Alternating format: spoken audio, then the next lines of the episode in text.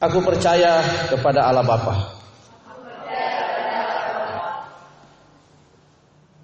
Bapa yang Maha Kuasa, Kalik langit dan bumi. Dan kepada Yesus Kristus anaknya yang tunggal. Tuhan kita yang dikandung dari pada Roh Kudus. Lahir dari anak darah Maria yang menderita sengsara di bawah pemerintahan Pontius Pilatus. Disalibkan, mati dan dikuburkan. Turun ke dalam kerajaan maut. Pada hari yang ketiga bangkit pula dari antara orang mati. Naik ke surga. Duduk di sebelah kanan Allah. Bapa yang Maha Kuasa dan dari sana ia akan datang untuk menghakimi orang yang hidup dan yang mati. Aku percaya kepada Roh Kudus. Gereja yang kudus dan am. Persekutuan orang kudus. Pengampunan dosa. Kebangkitan orang mati. Dan hidup yang kekal. Mari kita berdoa. Bapak terima kasih mengawali ibadah kami hari ini kami datang kembali Tuhan dan melakukan pengakuan iman rasuli kami sebagai sebuah pernyataan iman kami. Kami bersyukur hari ini kami bisa beribadah dengan baik. Kami datang dengan keadaan yang sehat tanpa kurang satu apa pun Tuhan. Kami sudah melalui prosesi pujian dan penyembahan. Karena itu kami akan mendengarkan firman hari ini.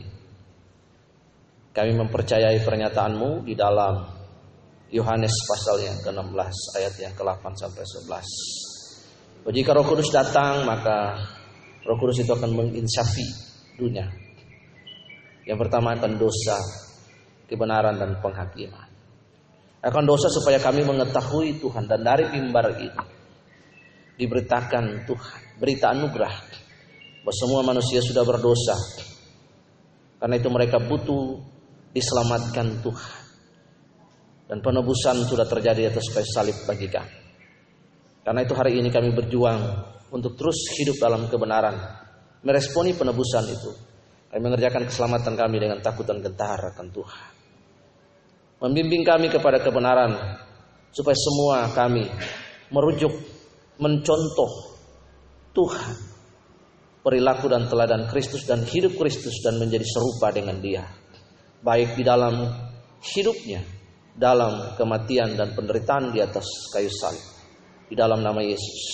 Dan kami mengimani bahwa ada Tuhan pengharapan iman bagi kami setelah kami meninggalkan dunia ini. Ada pengharapan iman bagi kami rumah Bapa di surga. Biarlah firman yang kami baca dan kami belajar hari ini boleh tertanam dalam hati pikiran kami dan menjadi nilai hidup yang kekal, yang ilahi. Terima kasih di dalam nama Yesus Roh Kudus menginspirasi dan mengiluminasi kami. Firman Tuhan juga mendiri kami kepada kebenaran, menyatakan kesalahan, memperbaiki kelakuan kami. Sehingga kami menjadi manusia-manusia yang baik dan benar di hadapan pada pemandangan Allah. Tuhan, kami juga datang hari ini dengan berbagai pergumulan hidup namun kami percaya bahwa pergumulan-pergumulan hidup yang kami hadapi, peristiwa-peristiwa yang kami hadapi, membawa kami untuk lebih dekat kepada Engkau dan memahami Engkau Tuhan. Terima kasih kami mempercaya bahwa pencobaan-pencobaan yang kami alami adalah pencobaan biasa yang tidak melampaui kekuatan kami. Engkau akan memberikan jalan keluar dan kemenangan bagi kami. Kami juga mempercayai pernyataan Tuhan bahwa dari mana datangnya pertolongan kami, bahwa pertolongan kami datang daripada Tuhan yang menciptakan langit dan bumi. Terima kasih di dalam nama Tuhan itu sehingga ibadah kami hari ini adalah ibadah yang holistik Tuhan. Terima kasih terpuji namamu. Kami berdoa dan mengucap syukur dan kami siap untuk belajar bersama-sama. Dalam namamu kami sudah berdoa dan mengucap syukur engkau yang punya kerajaan dan kuasa dan kemuliaan. Haleluya. Sama-sama katakan amin. Silakan duduk. Dengan sekolah minggu masuk ke ruangan sudah.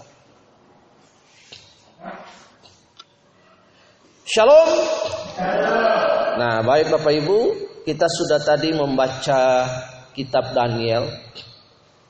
Tapi saya mau berikan sebuah pengantar bagi kita Kitab Daniel ditulis oleh Nabi Daniel. Tema utamanya adalah kedaulatan Allah dalam sejarah dan kedaulatan Allah yang universal. Waktu penulisannya adalah sekitar tahun 536 sampai 530 sebelum Masehi. Sebelum nenek moyang, moyangnya lagi moyangnya lagi lahir ya. Yang berikut tempat penulisan di Babel.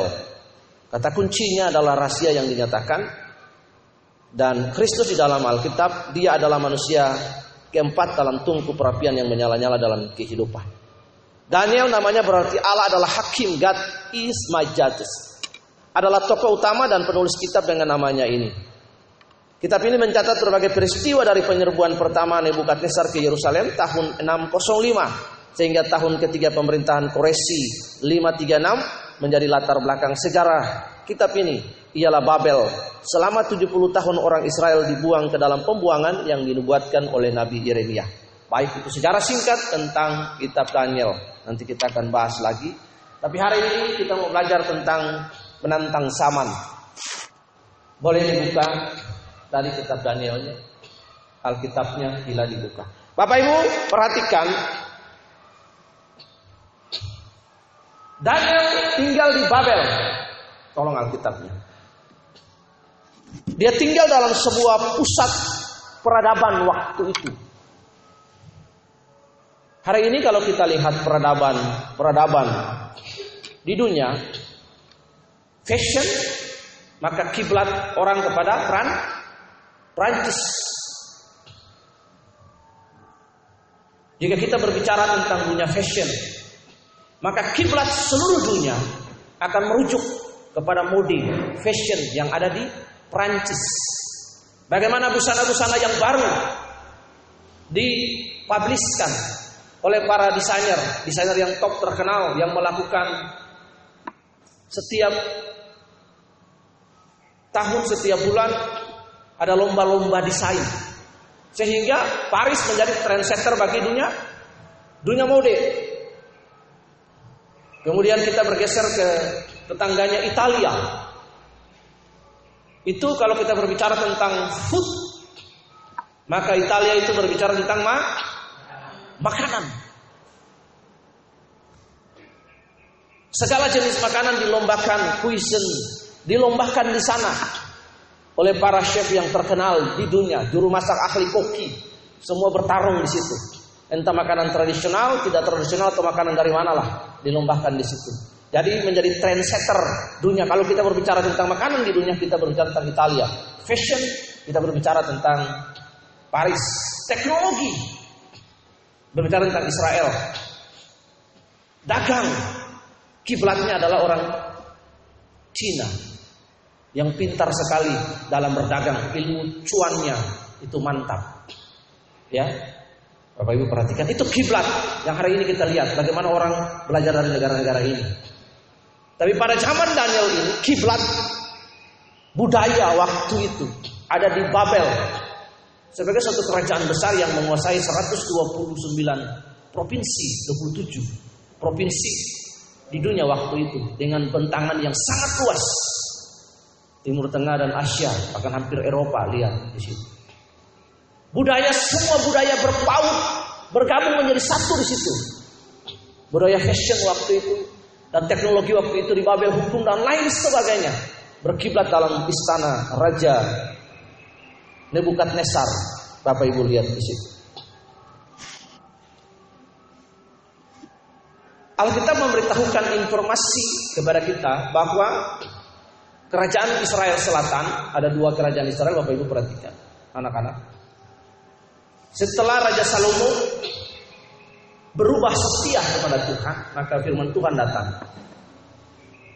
bahwa akan dia akan mengambil kerajaan, memecahkan kerajaan itu menjadi dua. Kerajaan utara itu sepuluh suku dipimpin oleh seorang yang bernama Yerobeam bin Nebat. Di kemudian hari sepuluh suku itu disebut kerajaan utara. Mereka tidak menyembah Allah. Mereka menyembah berhala-berhala kerajaan Kanaan dan patung lembu emas di Mesir diulangi lagi mereka untuk menyembah. Kemudian hanya dua suku yang disebut kerajaan Israel Selatan yaitu suku Benjamin dan suku Yehuda yang hari ini menjadi Jus menjadi orang Yahudi asli di Israel sana. Yang sepuluh suku itu disebut diaspora. Bapak Ibu lihat, setelah Yerusalem diserang, bait Allah dihancurkan pada tahun 70 pada pada pemerintahan Nebukadnezar itu, bukan tahun 70 ya. Tapi dihancurkannya Yerusalem itu, maka kerajaan Israel Utara, Israel Selatan hancur. Lalu anak-anak muda itu diangkut, lalu dijadikan para calon pegawai negeri PNS. Mereka dididik anak-anak muda yang dipilih dengan fisik dan perawakan. Nanti kita lihat konstetasi pemilihan. Mereka dipilih di situ yang terbaik untuk menjadi para pegawai atau ASN. Ada pertarungan ideologi dan pertarungan bagi para putra-putri Allah dan yang bukan menyembah Allah. Alkitab jelas berkata Tuhan membuat perbedaan antara yang menyembah Allah dan yang tidak menyembah Allah. Pada ayat yang ke pada ayat yang kita baca, lihat di situ Alkitab memberikan informasi kepada kita bahwa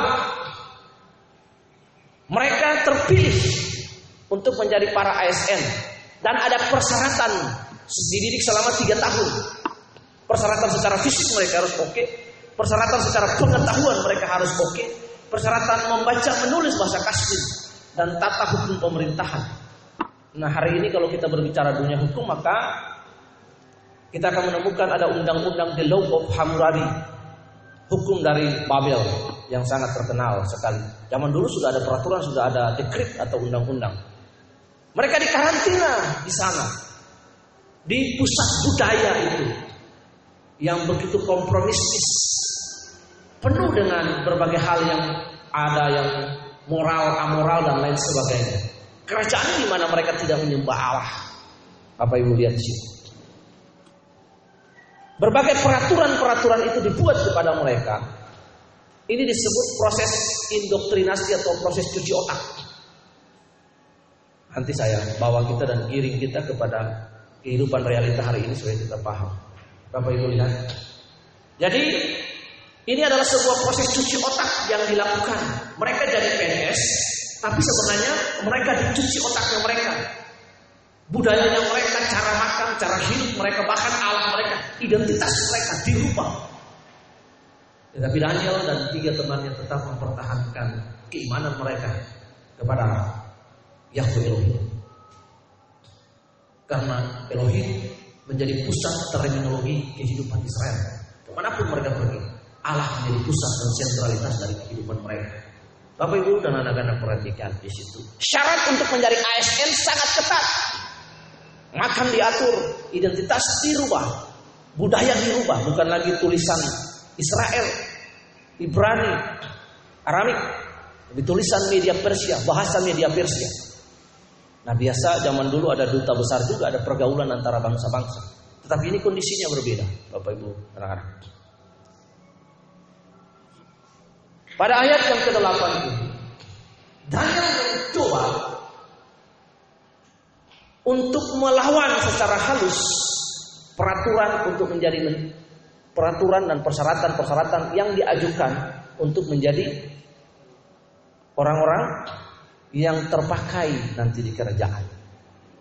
Jadi saya membayangkan di Alkitab tidak tertulis, tapi karena pemerintahan Raja Babel itu luas, dan dalam pemerintahan Raja Ahasuerus ditulis 127 kerajaan, maka saya menduga ada 120 kontestan dari berbagai suku bangsa. Karena nanti kita lihat di situ di antara mereka tidak ada kata mereka itu mewakili kerajaan-kerajaan lain, jajahan lainnya. Orang-orang muda jadi ambil lalu dibuat kompetisi untuk jadi pegawai kerajaan Babel, pegawai negeri. Apa Ibu lihat? Daniel mencoba secara halus untuk melawan dekrit yang disampaikan oleh raja berkaitan dengan peraturan syarat. Karena kita lihat sebelum saya jabarkan ini, lihat ada beberapa hal proses cuci otak di situ. Yang pertama adalah mereka diajarkan diganti budaya. Mereka berbahasa bahasa Ibrani dan Aramaik. Tentu Daniel juga mengerti bahasa Mesopotamia waktu itu yang merupakan akar juga. daripada nenek moyang mereka. Tapi mereka sekarang menjadi sebuah bangsa nation yang baru yang menyembah kepada Allah yang tauhid atau Allah yang esa. Bapak Ibu dan anak-anak yang dirahmati oleh Tuhan. Bahasa mereka dirubah. Bahasa adalah budaya, identitas. Tulisan dirubah. Lewat literatur, lewat tulisan, lewat bacaan, seseorang bisa berubah. Karena itu Alkitab menganjurkan kepada kita untuk melakukan pembacaan-pembacaan kepada kitab suci yang akan menolong kita memperbarui hati, roh dan pikiran kita. Kitab suci yang ilahi, yang divine, logos. Bapak Ibu anak-anak yang dirahmati oleh Kristus Yesus. Yang kedua adalah pola makan mereka. Proses cuci otak ini. Pola makan mereka dirubah. Orang Israel punya budaya yang disebut kosher mereka makan itu tidak boleh yang haram. Kalau hari ini kita umat perjanjian baru ada tiga hal. Kalau kita makan sekali sekalipun itu haram. Haram, harum, house chasing ping. Oh, haram, harum, artinya enak tenang. Nah, ya kan. Tapi bagi orang Israel dia nggak makan RW, dia nggak makan B2. Bagi orang Yahudi kosher. Nah, Hari ini karena zaman anugerah, Anda dan saya dikasih karunia makan makanan yang paling enak di dunia. Namanya apa? Babi. Karena itu orang Bali bilang inform with trust. Bagi orang Bali berbicara soal makanannya inform with trust. Nah, di dalam babi kami percaya. Nah, lihat di situ. Jadi mereka melakukan proses cuci otak di situ. Tiga hal ini. Dan yang terakhir adalah berbicara tentang nama. Identitas mereka dirubah. Daniel it means God is my judge. Dirubah menjadi Belshazzar. Mesak Abednego. All the name it means the name of goddess of Babylon. Semua nama itu adalah nama dewa-dewa Babylon. Perhatikan dengan baik. Bapak Ibu yang dirahmati dan dikasih oleh Kristus. Proses cuci otak ini berlangsung. Nama dirubah, penyembahan kepada Allah dirubah, kemudian makanan dirubah, cara berpakaian, kehidupan dirubah. Supaya menyamai budaya waktu itu, budaya Babel. Nah, ini proses. Semua kehidupan mereka itu dirubah. Bapak Ibu proses cuci otak itu indoktrinasi zaman PKI, Bapak Ibu di China karena komunis, mereka di Rusia mereka dimasukkan dalam sebuah ruang gelap. Matahari sedikit, makanan sedikit. Tiap hari lalu ada ada speaker di dalam ruangan yang gelap, mereka kasih supaya mereka ada. Lalu setiap hari mereka soundkan, there is no God, there is no God, there is no God. Tidak ada Allah, tidak ada Allah. Perkataan itu terus berulang-ulang selama berhari berbulan-bulan. Dan semoga sampai orang yakin bahwa memang tidak ada Allah. Sebuah klasik ilustrasi. Bapak Ibu perhatikan, dikumandokan, disaunkan berulang-ulang. There's no God, there's no God, there's no God. Sampai orang percaya, oh iya there's no God, nggak ada Allah. Itu proses cuci otak, brainstorming, brainwashing. Makanan, minuman, identitas. Dirubah total supaya mereka menjadi serupa dengan dunia dalam hal ini Babel. Mereka menjadi serupa dengan budaya Babel. Mereka menjadi sewarna dengan budaya Babel. Jadi proses mereka menjadi pegawai negeri di Babel itu adalah mereka dibuat supaya budaya mereka sama dengan Babel. Perilaku mereka sama dengan orang Babel. Makanan mereka sama dengan orang Babel. Kehidupan mereka sama dengan orang Babel. Berbeda dengan saudara dan saya. Hari ini Tuhan berkata dalam 1 Petrus pasal 2 ayat 9.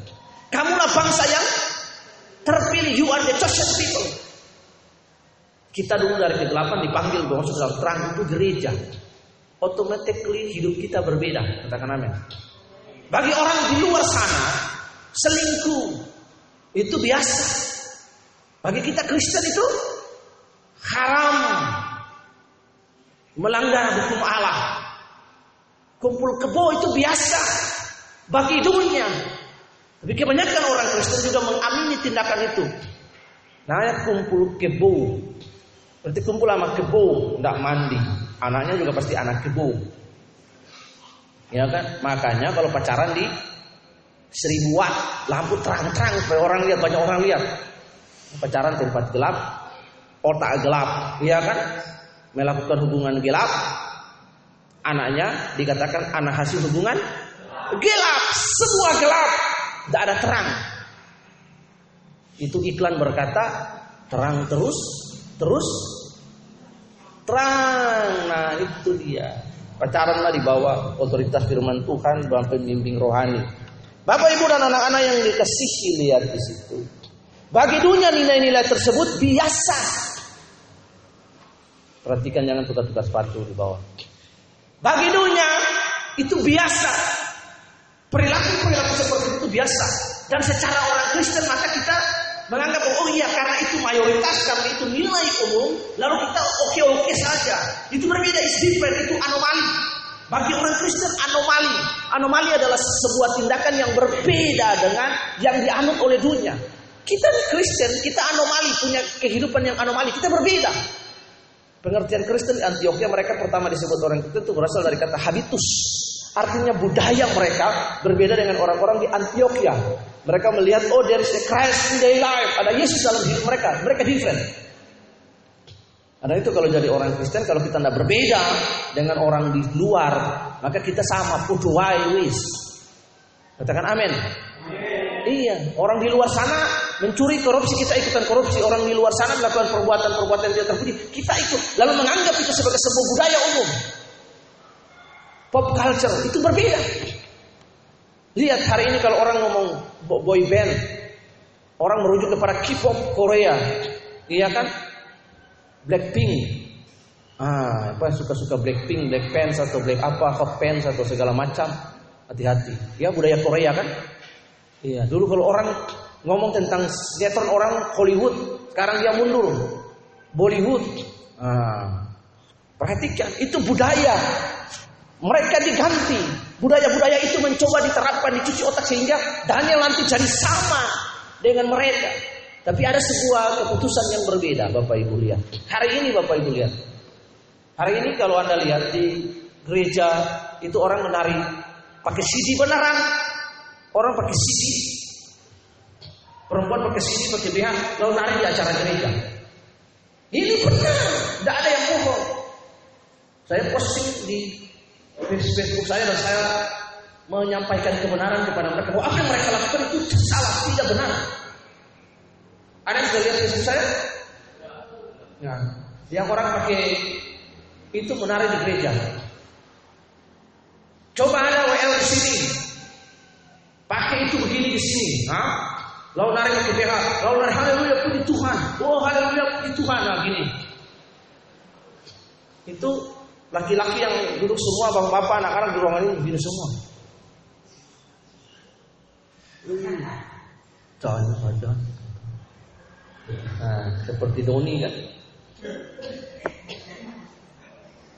Lihat, perilaku Babel itu sudah masuk ke dalam gereja. Orang tidak lagi beribadah dengan cara yang pantas dan benar. Iya. Bagaimana kita sebagai orang Kristen Tuhan kasih orang Kristen itu ketika dia bilang dia dipenuhi Roh Kudus itu mempengaruhi hidupnya salah satunya adalah moralitasnya. Katakan amin. Masa Anda pergi gereja lalu begini gereja pakai baroknya begini. Anda dulu Anda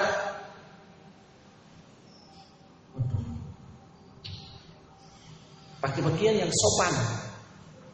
Selain tidak jadi batu sandungan buat orang, Anda ada moralitas yang baik.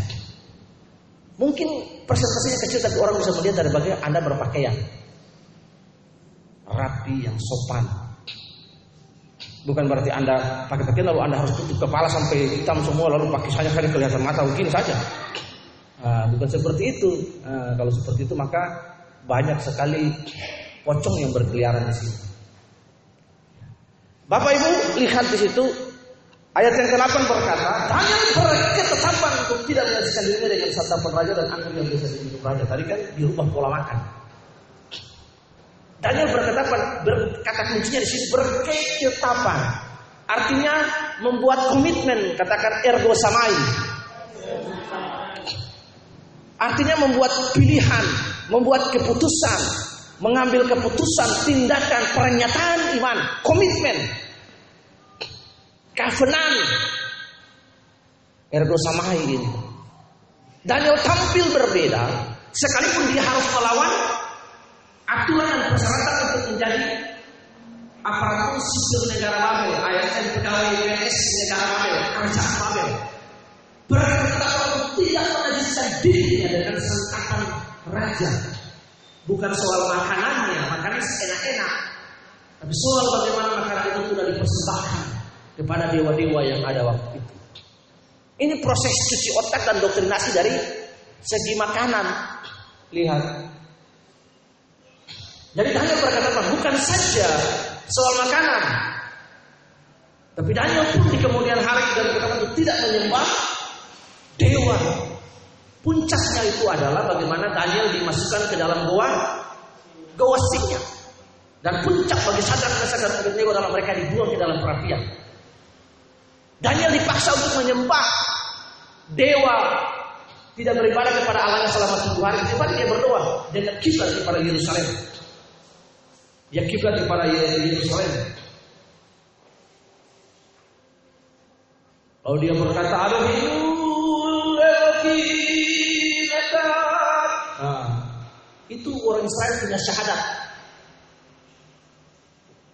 Anda bisa cari kalimat syahadat Israel.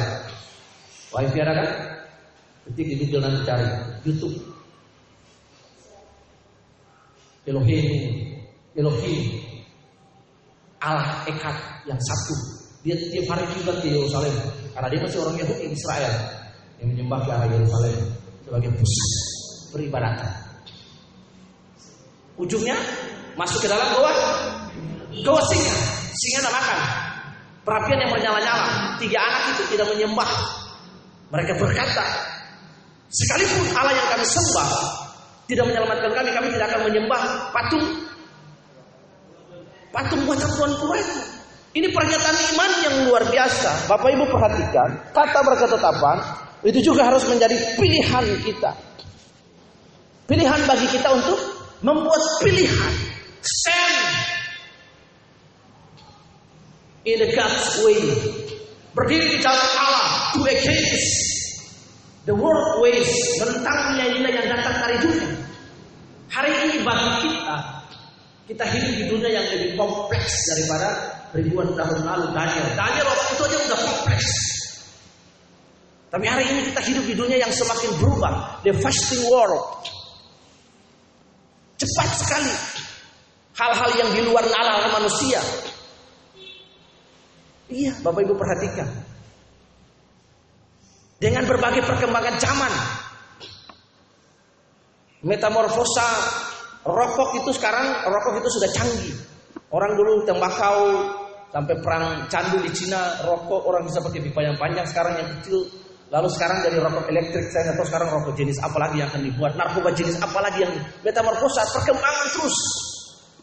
Nah hari ini juga dengan kehidupan-kehidupan fashion. Bapak Ibu perhatikan. Orang berubah. Nah ternyata perubahan dunia itu semakin hari semakin lebih cepat. Hari ini di Arab Saudi, di, di Arab Saudi, bahkan di Arab Saudi, Bapak Ibu perhatikan, Kerajaan yang begitu ketat dengan nilai-nilai yang dia anut, hari ini mengizinkan wanita tidak boleh pakai cadar lagi ketika ke pantai. Di orang boleh berbikini ria di Arab. Lalu hari ini kita bangsa ini mau dipaksa pakai cadar, pakai burga. Mau dipaksa untuk dicuci otak, mau dipaksa untuk mengaplikasi budaya onta, budaya gurun tandus di sini. Kita budaya Indonesia dengan negara Pancasila. Karena itu kita menolak syariah. Bapak Ibu perhatikan di sini, mau dicuci otak. Tapi Daniel berkesempatan untuk tidak menjadikan diri dengan semua yang ada. Membuat pilihan. Daniel berkata, saya in the way. Saya berdiri di jalan Allah. Tidak menjadikan diri saya memilih. Untuk mengikuti peraturan. Leluhur saya yang menyembah kepada Allah yang hidup. Itu perhatikan dengan baik. Anak-anak perhatikan. Dan pelajaran ini hanya dapat di luar bangku sekolah, di luar gereja Anda dalam belajar ini. Dengar baik. Apa yang Anda dengar hari ini mempengaruhi Anda ke depan, pilihan dan keputusan. Karena Anda bisa saja terusan di antara Anda. Semoga tidak ada. Kalau tidak dengar, tidak tertanam hati dan pikir Anda sesuatu sebutan. Jadi sering dengarkan pelajaran ini. Anda tidak akan pelajaran ini di mana pun, kecuali di mimbar ini. Perhatikan di situ, Daniel membuat pilihan. Daniel berketetapan. Roma 12 berkata berubahlah oleh pembaharuan budimu supaya kamu dapat membedakan manakah yang baik dan mana yang benar. Kehendaklah yang bukan dan ya, yang baik dan tidak baik. Lihat di situ. Daniel punya pilihan. Orang-orang yang dipakai oleh Allah semuanya punya pilihan. Mereka punya keputusan. Dan keputusan yang satu itulah I'm standing the way of God. Saya berdiri di jalan Allah. Barang siapa yang tidak mengasihi Allah, anatema terkutuk. Mengasihi Allah bukan saja kita ngomong dengan mulut, tapi perilaku kita mengasihi Allah. Dan Daniel mengasihi Allah dengan sungguh-sungguh, takut akan Allah, fear God. Itu diaplikasikan lewat pernyataan Daniel berkata Kita bilang kita mengasihi Allah, cinta Allah, tapi kita berperilaku yang busuk di luar. Apa kita mengasihi Allah? Saya tanya. Kan tidak. Jadi pernyataan kita mengasihi Allah harus juga teraplikasi dalam hidup kita. Kita bilang saya mengasihi Allah, tapi hidup kita menunjukkan bahwa saya mengasihi Allah. Anda katakan Anda beriman kepada Allah, tapi perbuatan itu harus harus ada. Saya mengasihi istri saya, tapi tindakan saya juga harus ada. Salah satunya menolong dia. Nah itu yang hanya lakukan adalah dia berketetapan untuk tidak menyaksikan dirinya. Sebuah pilihan yang berat pada waktu itu resikonya dia bisa mati. Resikonya dia bisa nggak jadi PSN. Resikonya nggak bisa memenuhi persyaratan. Tapi karena ketetapan dan pilihan dan keputusan, komitmen yang dia buat, akhirnya kasih karunia Allah bagi dia. Persahabatan dengan dunia adalah berarti kita menjadi musuh Allah. Janganlah kamu mengasihi dunia dan segala yang ada di dalamnya. Karena orang yang mengasihi dunia tidak berkenan kepada Allah. Lihat di situ kata dunia artinya sistem, artinya tatanan, artinya budaya. Bapak Ibu kita perhatikan dalam 1 Yohanes 2 ayat 15 sampai 17. Janganlah kamu mengasihi dunia dan apa yang ada di dalamnya. Jika orang yang mengasihi dunia maka kasih akan Bapa tidak ada dalam orang itu. Tuntutannya cuma satu. God is my idol. God is my master. Satu. Tuhan itu punya nama cemburu. Dia tidak menginginkan penyembahan kepada yang lain hanya kepada dirinya. Tuhan tidak mau dimadu.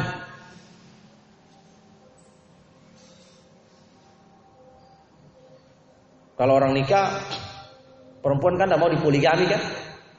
Siapa yang mau dipoligami? Dimadu. Tidak ada. Saya sangat tidak mempercayai bullshit orang-orang yang melakukan poligami. Apa wanita bilang, oh iya kami bahagia sama-sama, tidak ada yang dendam. Bullshit omong kosong. Dalam hati nurani mereka ada tangisan. Yang sangat dalam ada luka. Siapa yang mau dimadu? Oh kawin kamu, suamimu madu kamu mau. Barang tiga dibawa ke rumah.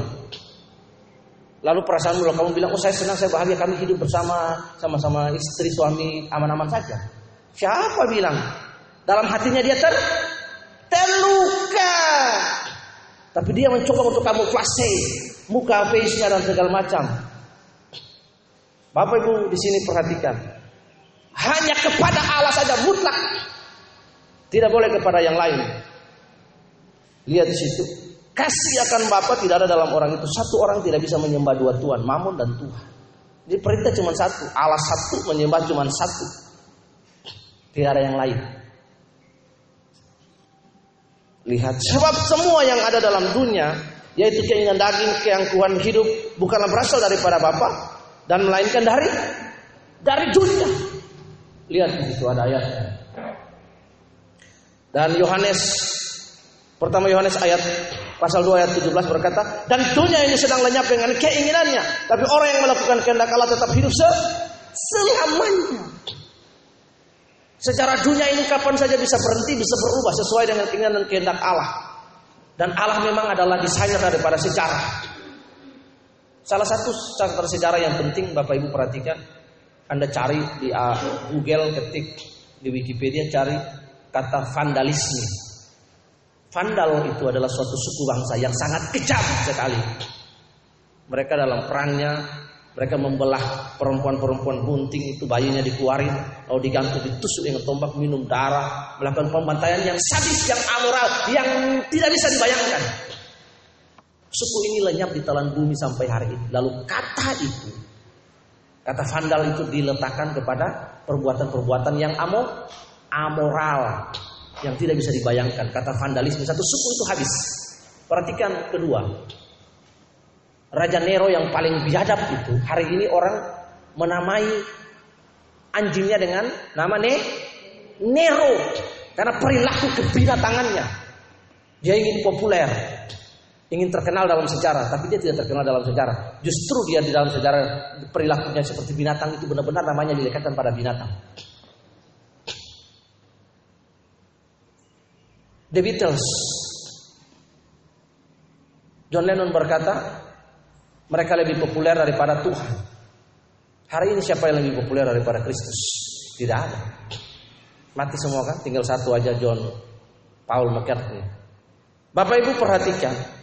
Yang pertama jangan cinta dunia.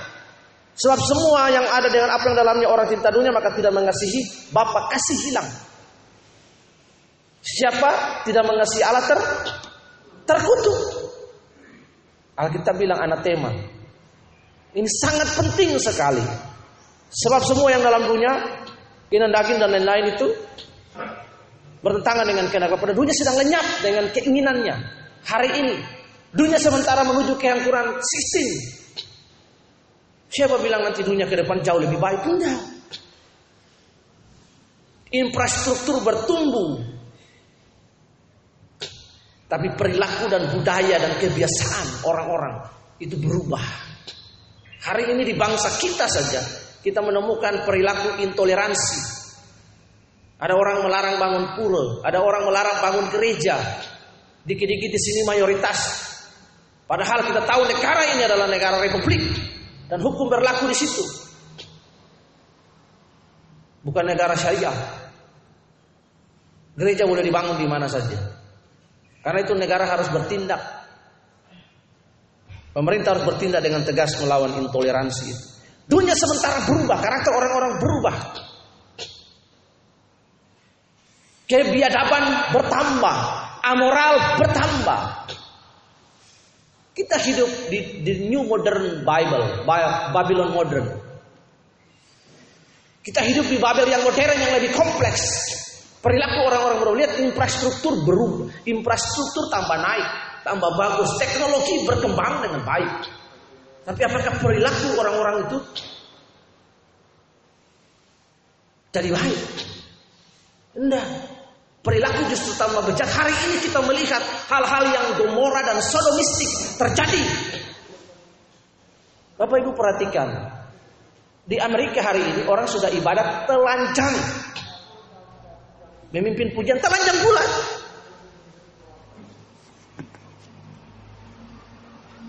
tunjuk nanti.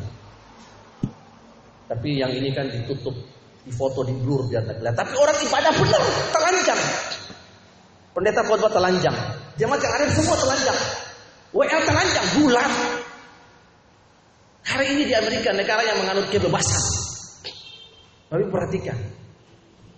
Infrastruktur dan teknologi bertambah baik untuk mempermudah orang-orang tapi moralitas sistem dunia ini karakter perbuatan orang-orang menuju kepada Sodom Gemora.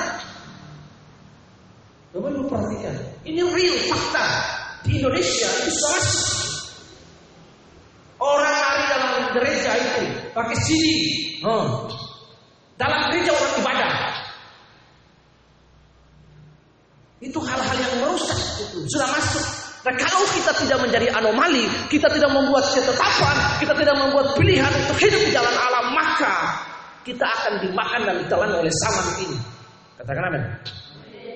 Zaman ini teknologi berubah tambah maju, tapi perilaku orang-orang, karakter sifat orang-orang tambah hari tambah rusak.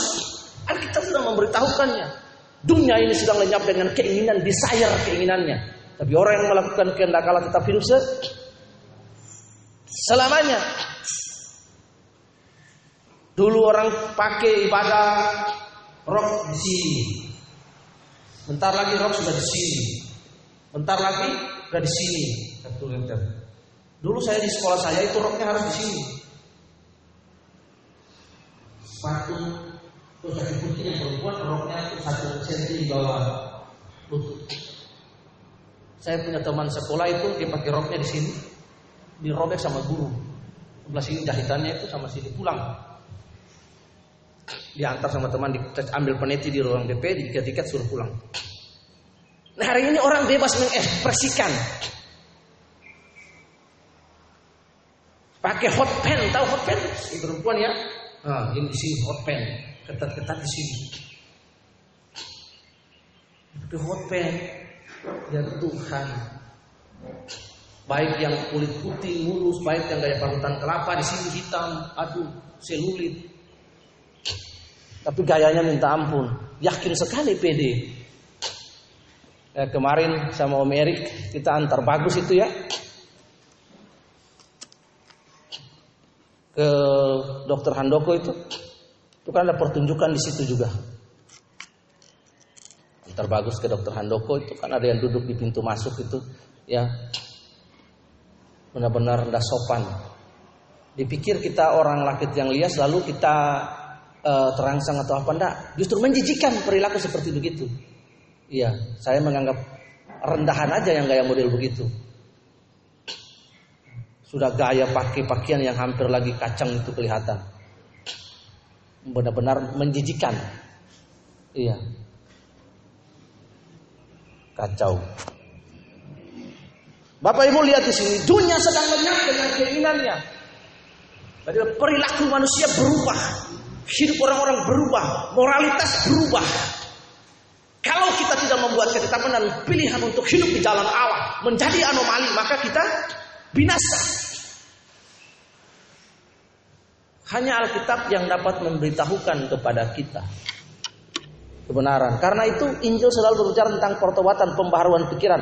Metanoia, katakan metanoia. Metanoia artinya perubahan pikiran. Manusia ketika jatuh dalam dosa, demu dan sel gambar pikiran. Akhirnya dia bikin Allah. Dia buat Allah buat dirinya dia sendiri. Dia bikin dalam bentuk kain, ada apa, batu, mangkok. Dia bentuk, dia bentuk. Kan dia bikin sendiri kan. Baru dikasih nama nih. Kebenaran mutlak harus memerdekakan kita. If you know about the truth, the truth shall make you free. Jika Anda mengenal kebenaran, siapa itu kebenaran? Kristus kebenaran mutlak bagi kita. Tidak berubah. Karena itu dengan membaca Alkitab, hanya Alkitab yang dapat memberitahukan. Buka 2 Timotius pasal 3 ayat 16.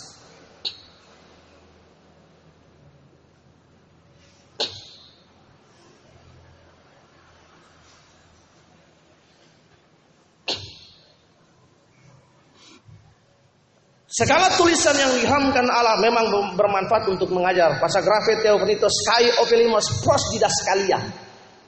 Didaskalia, dari kata Didaskalia ini, turunlah kata, dari kata Didaskalia, Didace, lalu turun kata disciple, murid. Baru perhatikan. Mengajar kita. Hanya firman Allah, hanya kekristenan yang mengajar moralitas yang baik. Karena itu ketika seorang berkata saya dipenuhi dan dituntut oleh roh Allah, moralitasnya berubah. Gak mungkin anda berbahasa roh dalam gedung gereja ini, oh ya, buka lama, buka baru, sandal lama, sandal baru. Kulihat baru datang kuliah tidak lama. Iya. Bukan seperti itu. Anda berbahasa roh, maka hidup anda juga berubah. Moralitas anda berubah. Saya anak Tuhan. Perilakunya tidak berubah. Karena itu semua kita dalam kondisi hari ini yang zaman yang edan ini, maka kita harus membuat pilih pilihan maka Kapernaum membuat ketetapan. Rasul membuat ketetapan. Rizka membuat pilihan. Ilu membuat komitmen. Nah itu untuk berdiri menjadi wanita Allah. Stand. Become the woman of God. Nah. Yang benar. Amin. Lihat Bapak Ibu. Hanya firman yang bisa membawa mengajar. Yang kedua, menyatakan kesan. Kesalahan. Hari ini bahkan gereja pun ketika dituding salah, gereja mengelak. Siapa Anda menghakimi kami? Padahal perbuatannya mengundang para penarik kabaret di dalam gereja, dipakai di dalam gereja. Siapa Anda menghakimi? Kata ini dipakai untuk menjadi alat pelindung. Kalau salah kita katakan salah, benar, benar. Ini kan perilaku sodomistik dalam gereja. Mengundang orang menari telanjang di dalam gereja. Lalu orang beribadah, ada youth yang beribadah seperti dalam gedung bioskop, tung tang tang tung alat musik baru mereka angkat-angkat orang ibadah macam apa yang begitu yang orang bisa menikmati Allah. Perhatikan di sini. Untuk memperbaiki kelakuan hanya Alkitab. Untuk mendidik orang dalam kebenaran. Dia kayu suni. Kebenaran ada dua, dua kata. Yang pertama dia kayu suni itu berbicara tentang perilaku, moralitas, kehidupan yang suci di hadapan Allah. Yang kedua adalah aletheia. Kristus sang kebenaran itu sendiri. Katakan amin. Nah ini jika kamu mengenal kebenaran siapa pun Kristus, kamu akan dimerdekakan. Karena itu kita hidup di zaman yang berbeda. Kita hidup di zaman yang edan ini. Kita harus membuat pilihan untuk berdiri menentang zaman ini, menolak perilaku intoleransi, menolak hal-hal yang keliru, menolak hal-hal yang amoral, menolak hal-hal yang mengajak kita untuk jauh daripada Allah, bahkan meninggalkan kekristenan. Karena itu kita harus pintar melihat, memandang, melihat zaman ini. Korupsi itu sudah menjadi budaya di bangsa ini. Hal-hal yang lain, nah intoleransi itu sudah mulai menjadi budaya di bangsa ini. Dikit-dikit ini, dikit-dikit ini. Ada saja orang Bapak Ibu lihat. Karena itu kita harus membuat pilihan untuk hidup di dalam jalan Allah, jalan kebenaran ini. Bapak Ibu dan anak-anak yang dikasihi dan dirahmati oleh Tuhan Yesus. Ayat 17 berkata dengan demikian tiap-tiap manusia kepunyaan Allah diperlengkapi untuk setiap perbuatan perbuatan baik. Di tengah-tengah dunia ini, biarlah kebenaran memerdekakan kita dengan empat hal ini sehingga kita diper, di dengan perbuatan baik. Daniel have excellent of spirit, roh yang excellent, jiwa yang excellent. Bagaimana supaya kita punya jiwa yang excellent? Yang terakhir adalah kita membiarkan diri kita dipimpin oleh roh Allah. Firman Tuhan dalam Roma dan Galatia berkata, jika engkau adalah kita adalah anak Allah, maka kita akan dipimpin oleh roh Kata dipimpin artinya ago, agoni dari kata agoni. Akar katanya ago. Artinya inters konflik. Manusia ini yang pertama adalah sarkos pneumatikos manusia. Manusia roh. Roh itu perlu diisi dengan penyembahan, dengan pujian, dengan doa, dengan firman. Jiwa kita itu diisi dengan edukasi yang baik, baca berita-berita yang baik, nonton film-film yang baik dan mendidik. Edukasi yang baik, budaya yang baik. Nah itu. Bapak Ibu ini perhatikan. Sehingga setiap kita diperlengkapi untuk melakukan perbuatan yang baik hidup di tengah-tengah dunia yang sudah rusak ini. Dipimpin oleh roh Allah Ago tadi. Intens konflik antara manusia daging, manusia daging itu sarkos, antropos. Ada dua pilihan. Nah, ketika manusia ada peristiwa hidup, manusia daging sama manusia roh ini bentrok, kita punya pilihan. Anda milih yang mana? Kalau kita milih manusia roh, kita taat kepada roh, maka setiap hari besok lagi ada ada kontes konflik lagi kita pilih roh, besok lagi. Lama-lama kita terbiasa dengan suara dan kehendak Allah dalam hidup. Katakan amin. Itu baru dipimpin oleh roh, bukan Anda percaya aja kalau dipimpin oleh roh omong kosong. Dipimpin oleh roh adalah dalam berbagai peristiwa hidup kita memilih yang baik dan benar. Berdasarkan kehendak dan kemauan Allah. Dan Daniel membuat pilihan yang benar. Dengan berketetapan untuk tidak menjadikan diri. Dengan demikian Daniel dan ketiga sahabatnya itu menjadi orang-orang yang menantang zaman. Akibat dari menantang zaman, Daniel dimasukkan ke dalam goa, goa singnya. Dulu lagunya Moshe paling suka sama Seva. Saya, saya paling suka nyanyi lagu itu ke mereka waktu mereka masih kecil. Daniel di goa singa pam pam.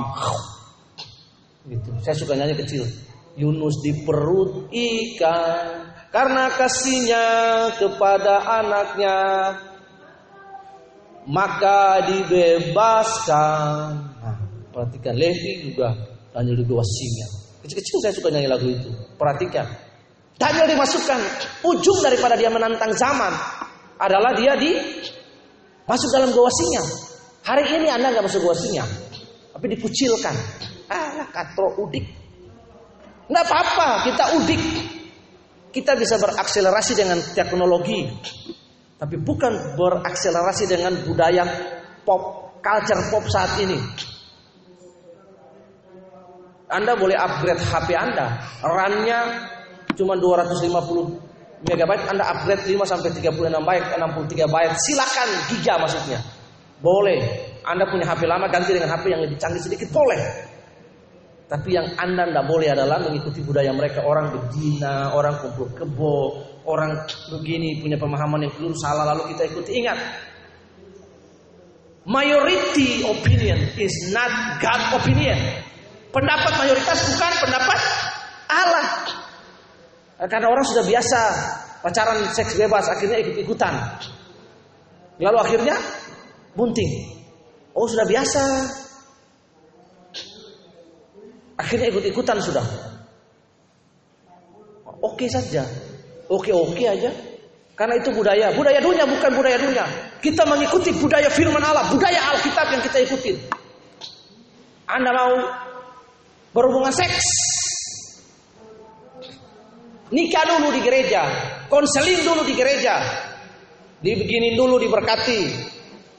Uskup ke pastor ke siapa berkati. Pendeta berkati. Konseling katekumen, pengakuan, baru ditabiskan. Setelah ditabiskan, diberkati. Baru perintah Tuhan terjadi. Beranak cuculah dan penuhi bumi. Amin. Itu Kristen. Yang parah banyak orang Kristen sebelum nikah sudah, sebelum kawin sudah sudah nikah dulu. Nikah urat. Karena itu undang-undang pernikahan, undang-undang perkawinan, bukan undang-undang pernikahan. Saya nggak setuju sih dengan kata nikah karena nikah sirih, nikah bawah tangan. Iya kan? Perkawinan, undang-undang perkawinan nomor 1971 nomor 1. Undang-undang perkawinan ada undang-undang pernikahan, hebat itu kata itu. Lalu kawin. Kata kawin, nggak pernah ada kata nikah di Alkitab. Ka, kawin, perkawinan di Kana, bukan pernikahan di kana. Kalau nikah pertama nanti nikah siri, nikah bawa tangan. Perkawinan anak domba. Lihat di situ. Berbeda budaya kita. Kita tinggal di dunia yang sudah jatuh dalam dosa ini maka kita harus berusaha menjadi orang-orang yang menantang saman. Ada resiko kita menantang saman. Itu adalah akibat dari panggilan kita. Anda mau siap terima resiko dikucilkan, dianggap udik, dianggap katro, kudo nggak apa-apa.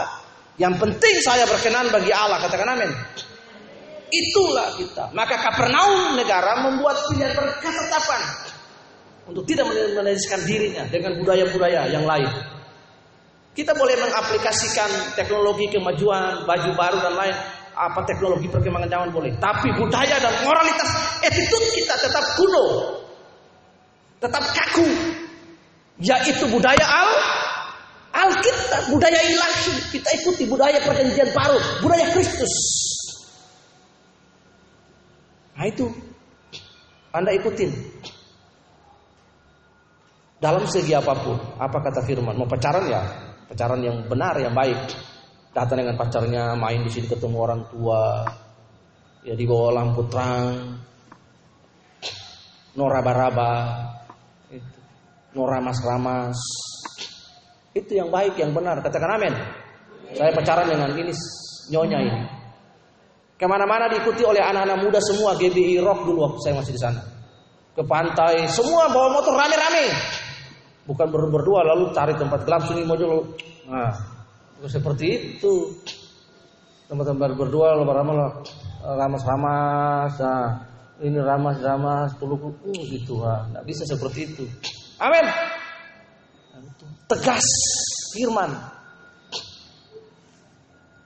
Lihat. Semua perilaku kita, pengetahuan bisa diseberangkan, teknologi bisa diseberangkan, tapi perilaku dan moralitas itu adalah belajar dan bersumber dari Alkitab. Katakan amin. Karena itu kita akan menjadi penantang zaman. Akibat dari kita menantang zaman adalah kita bisa diasosiasikan orang udik, orang kantor. Kita bisa mengalami perilaku asosial. Dikucilkan oleh orang nggak dianggap bergaul, tidak masalah.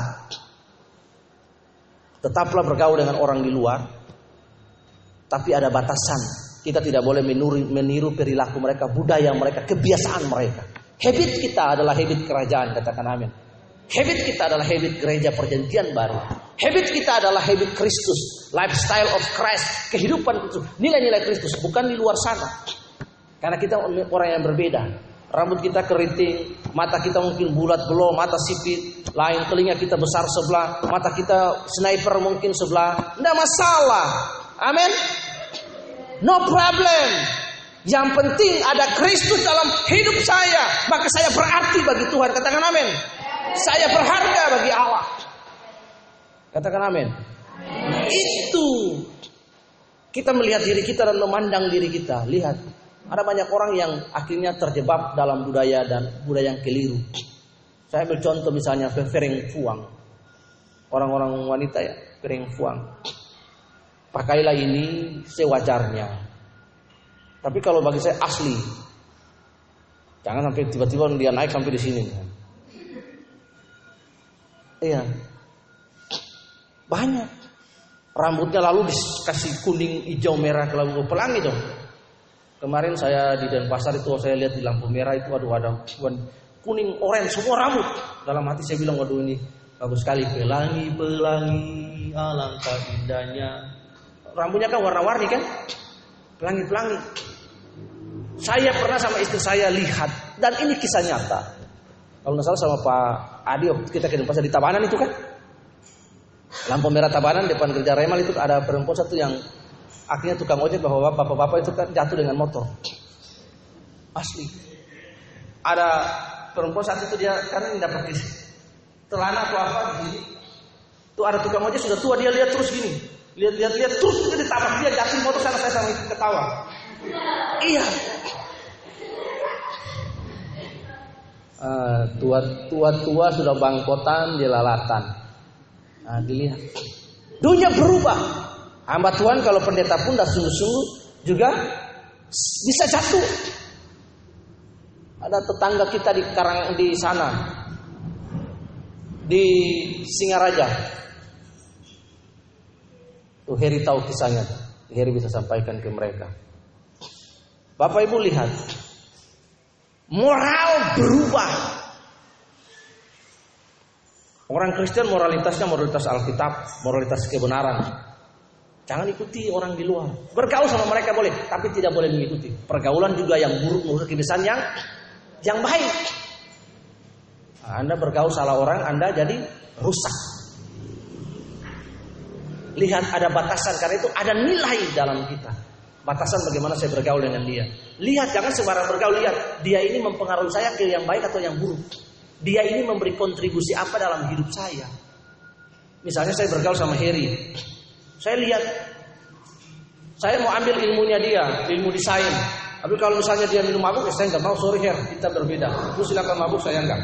Tapi saya mau belajar, ambil ilmunya. Misalnya, lihat Tibora, saya bergaul sama Tibora, ambil ilmu listriknya. Tapi kalau sedikit-sedikit marah-marah, bentak-bentak, saya nggak mau lah. Stroke cepat nanti. Lihat, amin. Kita belajar di sini. Karena itu bagi kita, ingat ada resiko bagi kita bahwa barang siapa mengikuti Yesus harus menyangkal diri, tinggalkan segala sesuatu, menyangkal diri dan pikul. Ujung dari kita menantang zaman adalah kita pasti akan dikucilkan. No problem. Tuhan beserta dengan kita. Mari tunduk kepala dan kita berdoa. Tuhan Yesus kami berdoa dan mengucap syukur di hari ini. Terima kasih buat kebenaran yang kami pelajari hari ini. Biar kebenaranmu memerdekakan kami jika kami mengetahui. Kami hidup di zaman ini yang sudah edan. Karena itu kami mau Tuhan berketetapan, membuat pilihan, membuat kafanan, membuat komitmen untuk berdiri dan menantang zaman sama seperti Daniel, Sadrak Mesadak Abednego. Di dalam nama Tuhan Yesus biar kebenaran ini memerdekakan kami. Terima kasih Tuhan, tolong kami Tuhan. Kami berdoa dan mengucap syukur di dalam nama Tuhan Yesus adalah firman-Mu kami bawa dalam hidup kami dan kami aplikasikan dalam lingkungan-lingkungan kami tinggal, kami bekerja, kami bersekolah Tuhan. Engkau juga memberkati kami. Engkau tahu Engkau yang menciptakan kami semua kebutuhan-kebutuhan fisik, kebutuhan jasmani kami. Kami mempercayai bahwa Engkau sanggup menolong kami dan bahwa daripada mulai datang pertolongan kami Tuhan. Terima kasih, terpuji namamu. Kami sudah berdoa dan kami mengucap syukur. Sama-sama berkata, Tuhan Yesus memberkati, saya kembalikan kepada wasit tidak.